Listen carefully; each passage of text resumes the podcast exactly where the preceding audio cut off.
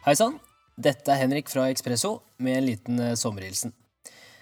Nå som folk sakte, men sikkert kommer tilbake til eh, virkeligheten, ser vi frem til å kjøre flere intervjuer tiden framover.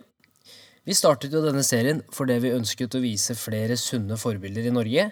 Forbilder som vi faktisk har ganske mange av, og som vi mener fortjener å bli hørt. Ekte historier fra ekte folk, som flere kan kjenne seg igjen i. For oss har det vært viktig å vise fra mennesker som utstråler sunne, gode verdier, noe vi også kommer til å fortsette å fokusere på tiden framover. Vi takker deg som har fulgt med helt siden starten, og du som akkurat har begynt å høre. Alle tilbakemeldinger vi har fått så langt, har blitt satt stor pris på og har hjulpet oss med å bli bedre.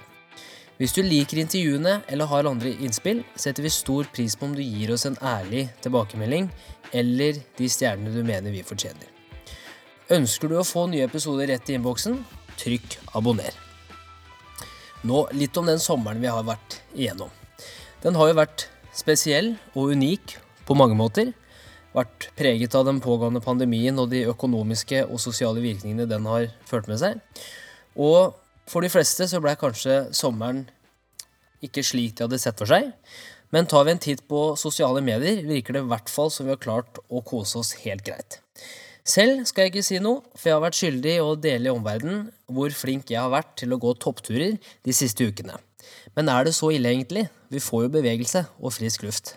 Gjennom juli har det kanskje sett ut som slutten på pandemien, men vi kan fort oppleve en ny runde av viruset over de neste månedene. Vi vil framover kunne bedre forstå hvor effektivt de forskjellige landene og regjeringene tar tak i de økonomiske og sosiale konsekvensene av det viruset har satt i gang. I løpet av de neste seks månedene vil menneskeheten foreta et avgjørende valg. Klarer vi å fortsette å sette de kollektive behovene og utfordringene over de enkeltes individs behov og ønsker, og jeg tror vi klarer bare det hvis vi har nok frivillige, rett og slett. Én eh, ting skal i hvert fall sies. Når de fleste nyhetssaker har handlet, om, at folk ikke har fått dratt på hytta i Norge, da veit du vi har det godt. Kanskje altfor godt også.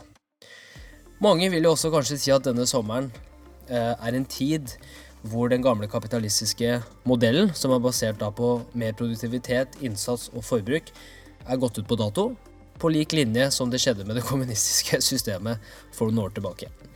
Og det er kanskje også da noen som vil si at dagens ledere er som kapitalistiske dinosaurer, med da forfekta teorier fra en foregangen tid. På den andre sida, som jeg også har hørt flere ganger nå, så kan det argumenteres for at kapitalismen er det beste systemet vi har, hvor det økonomiske systemet i Norge ikke kan betegnes som kapitalisme, da.